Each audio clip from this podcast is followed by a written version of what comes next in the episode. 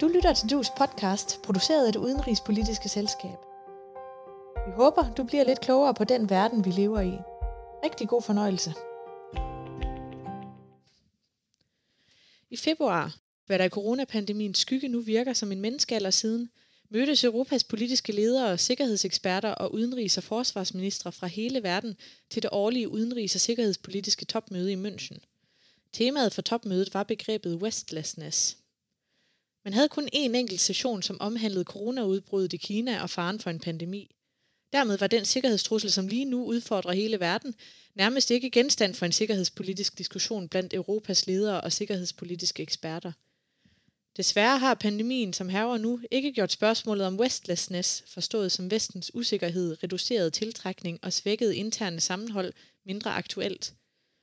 Det er temaet for dette afsnit af Dus podcast i serien af sikkerhedspolitiske drøftelser mellem Tage Bagmand og Per Carlsen med Charlotte Flint Pedersen som vært. Optagelsen blev gjort den 6. marts 2020. Velkommen til Dus podcast. Det skal handle om Vesten og i særdeleshed Europa. Vi tager udgangspunkt i diskussionerne på Sikkerhedskonferencen i München i februar. Med mig her i studiet har jeg Per Carlsen, seniorrådgiver i Dus, det udenrigspolitiske selskab, og tidligere ambassadør i Moskva, Letland og Litauen, og tidligere direktør for DIS. Og Tage Bagmand, sikkerheds- og tysklandsk ekspert og tidligere medarbejder ved P1 Orientering. Denne podcast er den anden i rækken af sikkerhedspolitiske drøftelser med Tage Bagmand og Per Carlsen. Øhm, Tage. På sikkerhedskonferencen i München blev begrebet Westlessness introduceret. Hvad dækker begrebet egentlig over? Det dækker over, hvis man skal tro, og det skal man, øh, München Sikkerhedskonferencens direktør, øh, den tidligere ambassadør Wolfgang Ischinger, øh, så dækker det over to ting. Øh, det ene er, at inde i de vestlige lande er der ikke længere øh, en konsensus om, hvad det vestlige projekt er. Øh, og udenfor øh, er det heller ikke længere sådan, at at verden orienterer sig efter de vestlige værdier, som jo var antagelsen, da, øh, da den kolde krig hørte op, at der ville være en slags konvergens, sådan at øh, alle nærmede sig de vestlige værdier på en eller anden måde. Øh, og det kan man se i dag, at, at sådan er det ikke. Øh, og, og det er det, han øh, mener med westlessness, altså vi trækker os selv tilbage fra øh, det værdigrundlag, som vi mente var det vestlige værdigrundlag, øh, en international regelbaseret orden osv. Øh, men vi har også opdaget, at omverdenen synes måske ikke, at det er så attraktivt øh, længere. Øh, og, og, og det her, øh, når, han, når, øh, når München kom til at diskutere det her så alvorligt, så er det fordi, det er ved at gå op for alle, at det her er ikke bare et spørgsmål om et slagsmål mellem et, øh, et Donald Trumps USA øh, og så øh, de vestlige lande. Det stikker meget dybere, og det går ned i hvert enkelt af de, øh, af de enkelte lande i den vestlige landegruppe. Men hvad er det så for en geopolitisk kontekst, som Vesten befinder sig i? Hvad er det sådan konkret for nogle teutoniske plader, der ligesom har forskubbet sig, som påvirker den her restlessness? Ja, det er jo så altså øh, spørgsmålet, om det er den geopolitiske kontekst, der påvirker, eller det er vores indre øh, problemer, som påvirker konteksten. Men anyway, konteksten er, at, at nogle af de øh, lande, kontinenter, som vi troede skulle komme tættere på hinanden, driver fra hinanden. Øh, og det starter lige uden for Europas dør med Tyrkiet, som vi jo diskuterer øh, meget i øjeblikket med præsident Erdogan og hans samarbejde, nogle gange med russerne, hans samarbejde øh, med forskellige øh, lande, og i hvert fald ikke øh, med det Europa, som vi øh, ønskede, at han skulle samarbejde med. Og så kan man gå videre til øh, til præsident Putin, som naturligvis, og der er ikke noget mystisk i det, øh, bruger den svaghed, som Europa har i øjeblikket, til at sætte ind, sådan har Rusland gjort og Sovjetunionen gjort, øh, i det sidste århundrede, øh, til at sætte kniven ind øh, mellem øh, de forskellige lande, når vi ikke er enige. Og det er klart, at, at de øh, yderligere lande, fjernere lande, øh, som Kina, måske Indien, øh, de ser, hvad der foregår, og så siger de, hvorfor skulle vi ikke også øh, kunne, kunne spille det spil. Og hvad betyder øh, Trump og USA's øh, skal man sige, forandrede øh, relation til verden, altså Make America Great? Hvad betyder alt det i den her øh, ligning, Tage? Altså i, i begyndelsen, så sagde man jo, øh, det er frygteligt med den Trump, men det går over. Fordi han sidder i fire år, han sidder måske i otte år, men så er han der ikke mere. Øh, og vi skal ligesom holde ud og holde dialogen i gang, indtil det sker. Det var antagelsen. I mellemtiden er man blevet opmærksom på, at Trump ikke er selve problemet, men kun et symptom på problemet. Nemlig at der i det amerikanske samfund ikke længere er en konsensus om, øh, hvad en, øh, en, en liberal national og, og international orden er. Når man først bliver opmærksom på det, øh, så er svaret på, hvordan takler vi Trump, øh, et, helt, øh, et helt andet spørgsmål, en, en, en helt ny problemsætning. Øh, og det her, det gør os værre af, at vi jo, øh, vi jo ser, at, at den antagelse, der har været øh, siden, ja, siden 2. verdenskrig og til nu, om at hvis bare folk fik deres frihed, øh, hvis de fik demokratiske rettigheder, hvis de fik en liberal økonomi, så ville de automatisk skrive under på den liberale dagsorden, og det gør de ikke. Vi har set øh, nogle af de østeuropæiske lande, der fik deres frihed, øh, og som demokratisk øh, har valgt at gå en anden vej, og som har øh, satset stærkere på nationalisme end på liberalisme. Øh, de de øh, gør, at, at, at vi pludselig må indse, at, at det måske var en forkert antagelse. Ser vi på øh, det arabiske forår, øh, så er det tydeligste eksempel måske øh, Ægypten, som jo havde forudsætningerne for at, øh, at, at skabe et, et, et stabilt liberalt demokrati, men som valgte at gå en anden vej, og som er endt i noget, der er mere autoritært end det øh, Hosni Mubarak styre, øh, som, som øh, man, man lavede et oprør imod. På samme måde så regnede vi med, at hvis bare Rusland fik gang i økonomien, hvis bare russerne øh, fik holdt nogle valg osv., så, videre, så ville de ende med at lige så stille drive i retning af den vestlige dagsorden. I mellemtiden er man blevet klar over, at den russiske fortælling er en helt anden. Øh, de ser simpelthen verden et andet sted. Øh, og det samme, øh, den samme fejlantagelse har man gjort med Kina. Hvis bare Kina blev engageret internationalt i den internationale økonomi og den internationale sikkerhedspolitiske dagsorden, øh, så ville de øh, også lige så stille købe den liberale øh, verdensorden og det gør de ikke. Blot, blot en, en, en lille øh, indsigelse, fordi det er fuldstændig rigtigt med, med, med udviklingen i Polen og udviklingen i Ungarn og udviklingen i Rusland, men når vi siger polakkerne og russerne, øh, så skal vi jo være ærlige og sige, at det er sådan lige akkurat øh, lidt over flertallet i Polen, som har den linje, øh, mens der jo altså er mange andre polakker, som, som vil noget andet. Øh, og de, øh, de seneste øh, Levada-målinger fra Rusland viser jo altså også, at der er mange af de unge russere, som begynder igen at sige, nej, vi skal mod Vesten, så øh, alt håb øh, kan ikke lades ud. ja, jeg, jeg er helt enig med Per. Ja. Øh, men det vi opdager, det er, at det liberale projekt ikke er det selvindlysende mm. valg, og det troede vi ja, i 1990. Ja, fordi hvad betyder de her følelser af fiasko det lykkedes ikke at få et partnerskab med, med Rusland. Det lykkedes ikke at få øh, et arabisk forår til at få... Altså, hvad betyder det for øh, Europas selvopfattelse, eller EU's selvopfattelse i dag? Er vi sådan et, et tabt... Altså, er vi bare øh, lidt... Øh, usuccesfulde, kan man sige.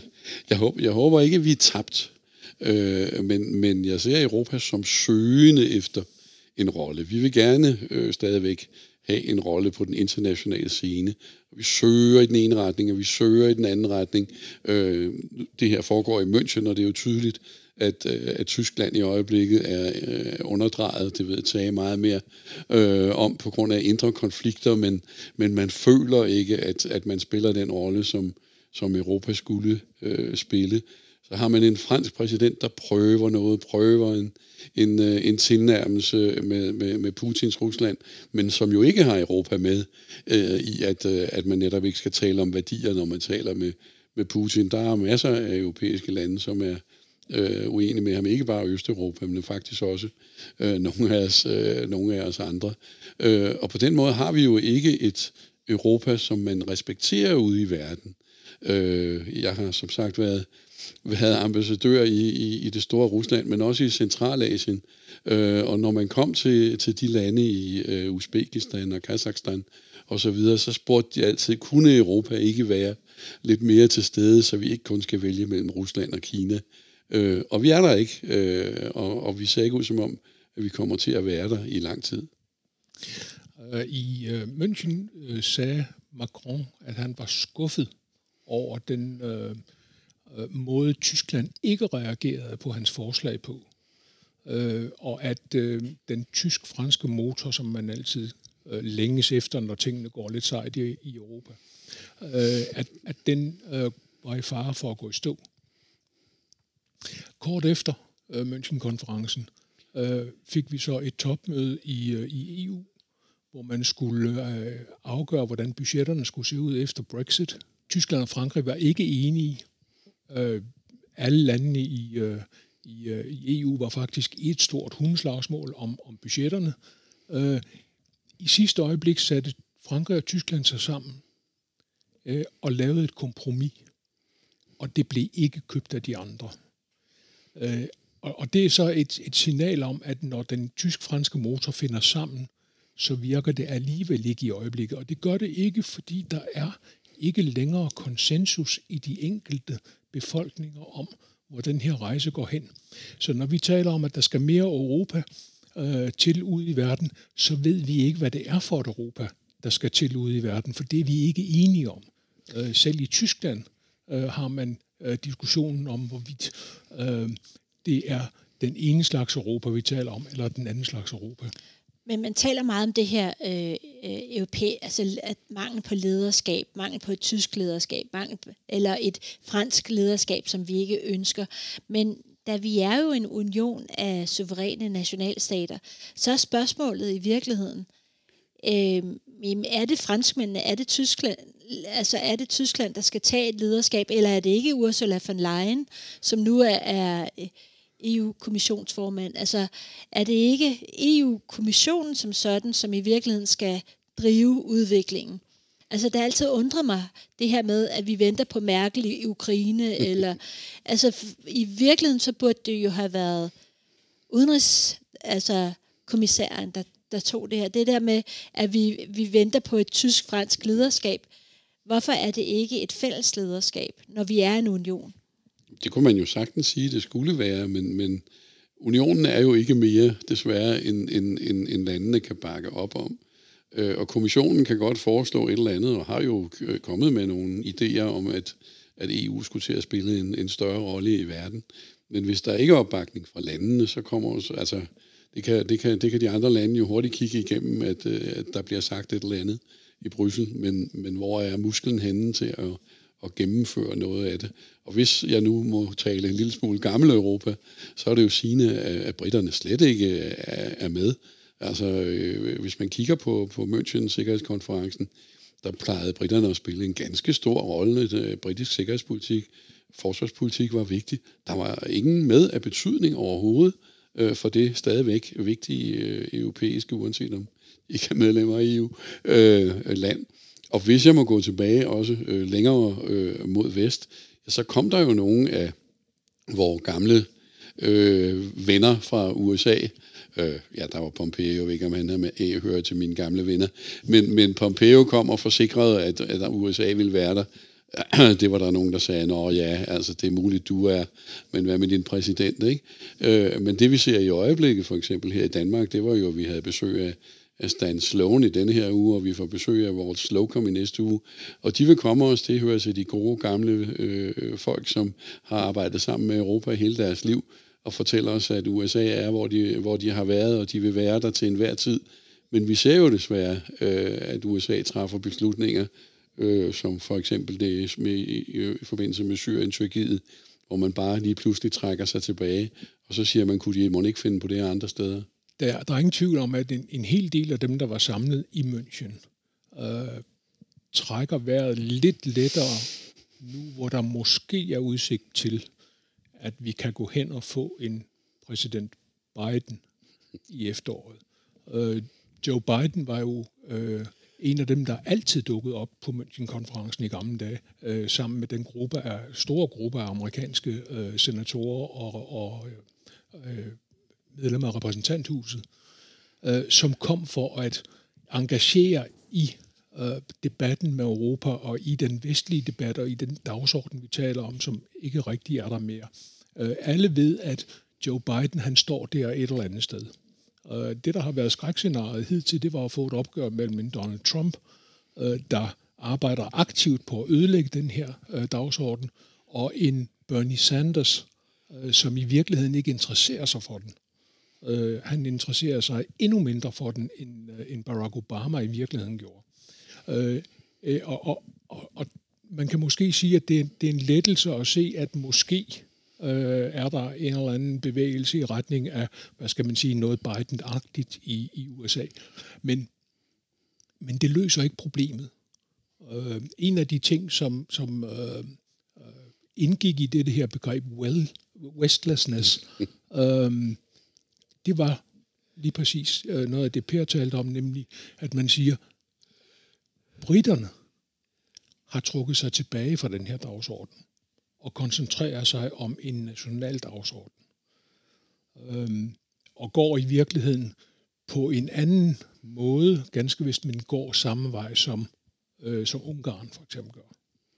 Øh, som ikke længere er sikker på, at fællesskabet er andet end et nyttefællesskab, men ikke et politisk, ikke et værdifællesskab. Og det gør det selvfølgelig øh, ekstra svært at se, hvordan vejen frem skal være. Øh, når vi ser den her trækken sig tilbage, og det gælder ikke kun Storbritannien, det gælder ikke kun Ungarn, det gælder også øh, Italien stadigvæk. Øh, det gælder også øh, kræfter, der ligger i det tyske samfund, det gælder kræfter, øh, der ligger meget tydeligt, men som vi ikke taler så meget om i det svenske samfund. Øh, Sverigesdemokraterne køber ikke denne her dagsorden, den her liberale dagsorden. Det gør de sande Finlands, øh, finlændere heller ikke. Øh, så vi ser alle steder at det her udfordret indefra, men også udefra. Men kan man ikke, altså jeg tænker nogle gange, at, øh, at vi her i Danmark godt kan være med til at styrke det europæiske lederskab, men at vi lige for tiden ikke rigtig gør det. Altså, vi ikke bidrager i den. Altså, vi har jo været meget aktive i sin tid i forhold til hele Ukraine og Friends of Ukraine og, og samlet omkring nogle specifikke dagsordner. Kunne man ikke forestille sig, at vi i virkeligheden også påtog os et større ansvar, øh, end vi gør i dag, og vil det er ikke, og selvom vi er en lille nation i, i den her store gruppe, men vi har, øh, man kan godt, at vi har tidligere vist, at man godt kan kan, kan være med til at puffe til, øh, til nogle dagsordner. Bestemt. Øh, der er ingen grund til, at vi skal, at vi skal krympe os og sige, at vi er så små, at vi ikke kan gøre noget som helst. Lad mig først lige øh, advare mod, mod en ting, og det var da vi talte om, om, om britterne. Øh, hele vores øh, forsvar har en, en fortid med at arbejde sammen med britterne og synes, at, at samarbejdet med britterne er, er, er meget godt og meget vigtigt. Og det har ingen som, ingen som helst ting imod. Øh, bare det ikke fører til, at, at vi politisk øh, lægger os derover øh, og, og derved altså kommer igen endnu længere øh, væk fra Europa, hvad vi ikke har brug for. Men til det, du siger om at kunne gøre noget, jo, man kan gøre øh, mange små ting. Øh, når vi taler om Rusland, har vi snakket om ungdommen, hvor man øh, kunne gøre noget for igen at fortælle om, hvad der sker i Europa. Ikke lave propaganda, det har vi ikke brug for. Øh, men fortælle noget om, hvad EU er, måske endda hvad NATO er. Øh, I gamle dage i NATO havde man noget, der hed en eurogruppe, øh, hvor man sendte folk til USA for at fortælle om, hvad der faktisk skete i NATO. Jeg har selv prøvet sådan en tur, øh, og når man kommer til Midtvesten og Texas og siger, I'm going to tell you about NATO. About what? Øh, de ved simpelthen ikke, hvad, hvad, hvad organisationen er Der er masser af små ting, hvor vi kunne gøre en stor forskel. Øhm, hvad er et illiberalt demokrati, Tage, egentlig? Det er da et rigtig godt spørgsmål. Det er en selvmodsigelse i virkeligheden.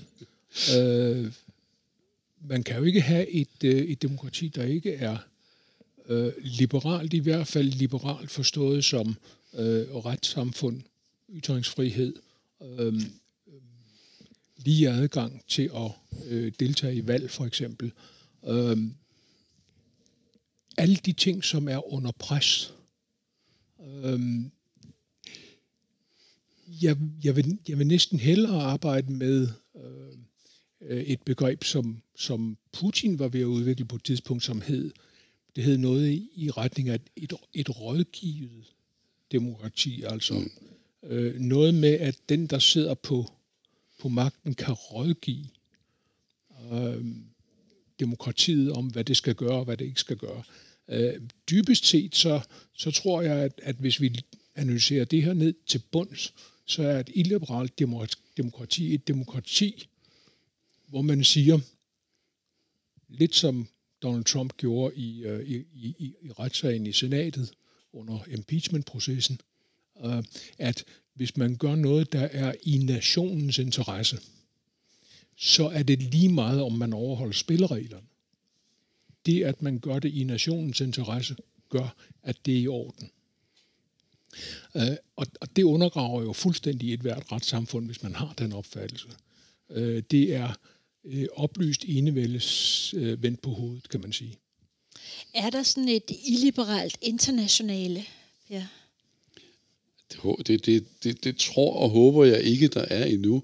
Men, men, men jeg kan godt forstå vores øh, tyske venner ved den her konference, at de, at de råber op sådan lidt på forkant, men kun lidt, øh, og siger, at det er altså nu, vi skal til at, at se alvorligt på denne her udvikling. Vi troede jo ikke, at sådan noget kunne ske i, øh, i, i det her århundrede efter, efter den kolde krig og, og så videre, men det sker, øh, og det glider, øh, hvis ikke vi tager sammen, og, og, og der, som du sagde lige før, kan vi lige så godt spille en rolle øh, som, som, som så mange andre.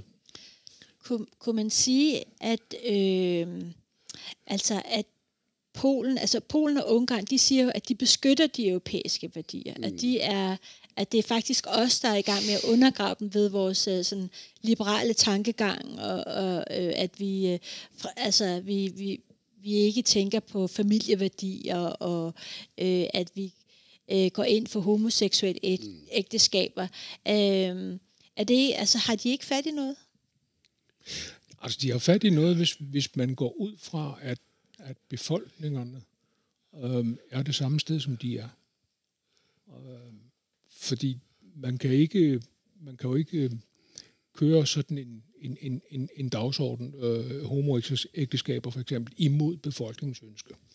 Men man kan jo godt arbejde på at nå derhen, øh, at, at, at flytte befolkningen, sådan at, at øh, også disse menneskers rettigheder kan respekteres. Øh, den køber hverken øh, det polske eller det ungarske styre. Øh, må jeg lige vende tilbage til det der med en illiberal øh, internationale, øh, så er jeg måske ikke helt enig med Per, fordi jeg synes, man kan se begyndelsen til sådan en, en, en illiberal international. Øh, de tyske højre kræfter i AFD øh, har det fint med Rusland har det fint med Putin. Øh, vi har set herhjemme også lidt øh, en flirt øh, den vej rundt fra øh, dele af Dansk Folkeparti. Øh, vi har set det øh, tydeligt hos, hos ungarerne, overhovedet ikke hos polakkerne, men det handler om, at øh, det, er, det er russerne, vi taler om, og det, det er på forhånd udelukket. Dem kan man ikke have noget med at gøre. Men, men, men der er sådan en, en bevægelse, der siger, øh, denne her illiberale dagsorden øh, er vigtigere end de gamle højre, venstre øh, forskelle. Øh, hvis, vi, hvis vi nationalister kan forene os i hele verden, det er jo det er en, det er en, en, en absurd tankegang. Det er, det er så selvmodsigende, som noget er, men, men man kan jo ikke man kan jo ikke kræve, at, at folks politiske holdninger skal, skal være ikke selvmodsigende. Øh, men men, men, men der, der er sådan en, en, en holdning, der kan I se, at vi har ret. Den her dagsorden, den, den, øh, den trives i alle lande. Øh, og, og det er klart, at, at når vi ser en, en, øh, en britisk premierminister, der ligesom også taler for øh, Storbritannien først, ligesom Trump taler om Amerika først, øh, så, så er der mange, der kommer i tvivl om, hvorvidt det ikke er i orden så også at, øh, at spille din, din nationale kort som det væsentligste trumfkort. Men her skal vi lige skille, ikke? fordi alle de lande, vi har talt om, der spilles der det nationale kort. Men der er altså stadigvæk forskelle på lande, og lad mig så bare starte med Polen for, for øh, at starte i Europa, hvor man har reelle valg, hvor øh, andre partier kan vælges ind. Så kan der være propaganda og fake news, og det har vi jo alle sammen. Øh, men altså, i Ungarn, Ungarn kom der en borgmester ind i Budapest fra det modsatte parti. Vi har, vi har valgt nu kommende øh, i USA og, og, og tage sag Biden, så altså, det er ikke forudgivet, at øh, den, anden, øh, den anden holdning ikke kan komme ind. Når vi kommer på den anden side øh, og over til kammerat Putin, så er der vist ingen af os, der tror på, at der kan komme et andet resultat. Men valg alene gør det jo ikke. Nej. Altså, når vi taler Polen, når vi taler Ungarn, så er vi også nødt til at tale om øh, domstolenes uafhængighed. Yes. Øh, og, og der bliver det næsten allertydeligst, at argumentet er, jamen, hvis ting, vi gør, er i nationens interesse, så skal, øh, så skal øh, domstolene øh, ikke blande sig, eller de skal følge øh, det politiske forlæg eller oplæg, som vi kommer med. Øh, og, og, og det her er jo en, en, øh, en anden måde at undergrave øh, det liberale samfund på. Og hvad skal EU gøre? Er det ikke også et symptom på den der restlessness, altså det her med, at du har de her illiberale strømninger i, i, øh, i Europa, hvor vi faktisk mister vores kerne, øh, som er øh, skal man sige, retsstaten og, og, og, og de frihedsrettighederne. Øh, det er klart, at det, at det gør, når, nu nævnte du, øh, kommissionen kommer ud og siger, at vi vil gerne tilbage og spille, øh, spille den der rolle. Så siger ja, kommissionen, men hvad med land X, Y, Z, ikke? Øh, og, og, og vi er jo kun kombinationen af de 27 lande.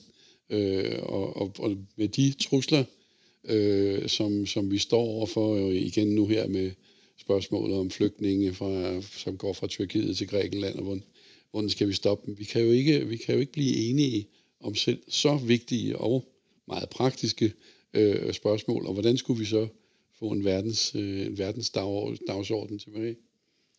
Men for eksempel øh, synes, altså, synes jeg, det er svært at se, altså, at EU bliver jo nødt til, altså det er jo faktisk en eksistentiel trussel. Det er jo ikke en militær trussel som sådan. Det er meget mere en, altså, en grundlæggende eksistens. Altså ser vi noget øh, i kommissionen, som ligesom, øh, eller i medlemslandene, som ligesom gør noget ved det? Altså jeg synes ikke, at man kan se Øh, jeg synes ikke, man kan se øh, EU-projektet forsøge at justere sig selv øh, til det behov, der er. Altså, problemet er jo, at øh, EU-projektet øh, langt hen ad vejen ikke er demokratisk legitimeret, øh, og ikke har formået endnu at give sig selv den demokratiske legitimation, der skal til. Øh, ser vi på, på parlamentet, Øh, så er det jo sammensat på en måde, som man ikke ville acceptere i en nationalstat. Øh, fordi øh, det er sammensat sådan, at øh, nogle mandater koster næsten ingen stemmer, og nogle mandater koster 100.000 vis af stemmer. Og ud af det får man ikke en legitimitet, som gør, at, at man kan sige, at parlamentet bør være den, der så sætter trumf på, når systemet ikke kan. Kommissionen øh, er jo overhovedet ikke folkevalgt, øh, og er jo i oprindeligt øh, udtænkt som en slags, øh, ja, et slags departementstyre, øh, ovenover, hvilket der skulle være et, øh, et europæisk råd. Øh, og det er i det europæiske råd, at uenighederne øh, plusser op hver gang, fordi det er medlemmerne af det europæiske råd, der er afhængige af de hjemlige øh, øh, offentligheder. Øh, og det er der, øh, vi er nødt til at, at erkende, at hvor man tidligere kunne mødes øh, til, til EU-rådsmøde og slås, så det bragede øh, om, øh, hvordan man skulle gøre tingene, men på et, på et grundlag, som der var enighed om, øh, så er der ikke længere denne her enighed om, hvad projektet er. Det er det ene. Det andet, og måske langt mere farlige, som, øh, som vi kan se både i Europa og i USA, det er, at hvor der tidligere var en enighed om, hvad de, hvad de grundlæggende fakta var, så er vi nu henne i en verden, der styres af det gamle danske ord om, at øh, hvis det er fakta, så benægter er fakta. Mm. Øh, vi er simpelthen ikke enige længere.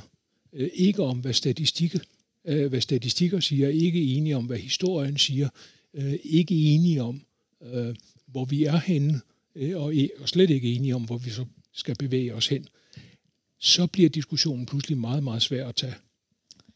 Men hvis vi nu skal ligesom slutte af øh, på et lidt øh, optimistisk note, så kan man jo stadigvæk sige, at der er et område, hvor det faktisk går ret godt og som er øh, og det er jo på hele det skal man sige både øh, EU's økonomiske styrke, vores evne til at indgå handelsrelationer med resten af verden, altså øh, sætte standarder for resten af verden mm. på en masse områder. Har vi ikke også tendens til lidt at tale tingene ned? Det har vi, og, og, og den her konference var tydeligt øh, med, med sit udspring i Tyskland i øjeblikket med øh, med de store problemer, øh, de har. Og du har fuldstændig ret, du talte nu om, om, om EU og, og, og handel. Øh, man kunne også, hvis, hvis man skulle imødegå den det her øh, mørke billede, gå ind og sige, der er ting over i det gamle NATO, som kører videre og fungerer, som det altid har gjort. Militærkomiteen arbejder, man lægger øh, planer fra det, der i gamle dage hed køres øh, side, man sender øh, folk ud til de baltiske lande, vi sender fly øh, og så videre. Så altså, systemet er ikke brudt ned, men tænkningen hænger ikke sammen. Altså, jeg giver Per fuldstændig ret, øh, og ser vi på netop på NATO-samarbejdet, så er, så er øh, det transatlantiske også øh, så levende, som det, som det nogensinde har været, kan man sige. Øh, det er det politiske projekt, vi er ikke enige om. Øh, vi har lige fået gennemført en, en, en af de allerstørste øh, amerikanske øvelser, der handler om at få, øh, få militær materiel frem fra USA øh, via Tyskland og videre ud til, øh, øh, til Baltikum øh, og til Polen. Øh, og det viser, at amerikanerne stadigvæk er med, øh, men de er, ikke, de er ikke med i tænkningen om, hvad det her det handler om dybest set. Øh, og, og det er der, vi har. Øh, det er der, vi har problemet. Ser man så på Europa, er der øh, noget positivt? Ja, det er der. Øh, og der skal man også øh, lige grave et, et spadestik ned og se, hvad sker der øh, på industrisamarbejdet? Øh, hvad sker der på forsvarsområdet? Øh, hvad sker der på forsvarsforskningsområdet, øh, som er, har været et af de øh, områder, hvor alting har været supernationalt øh, der ser man pludselig, at der bliver åbnet op for, at man kan gøre noget i fællesskab, og man er begyndt at tænke øh, et, øh, et europæisk forsvarsprojekt, som på et eller andet tidspunkt vil sætte det danske forsvarsforbehold under, under pres. Det, det tror jeg ikke, der er nogen tvivl om. Men som viser, at, øh, at der på sådan nogle dog væsentlige enkeltområder stadigvæk er en, øh, en konsensus blandt alle lande, fordi ellers kunne man ikke få det her til at til at køre. Og det er jo det interessante, ikke? At, at, at nogle af de her projekter, de kræver faktisk penge. Øh, og så sidder vi og, og, og er, vil ikke styrke øh, budgettet i Europa. Igen sidder vi på den forkerte side af, af, af the fence. Tak til Tage, og tak til Per. Øh, og vi fortsætter den her serie. Lyt med til Dus podcast i den kommende tid.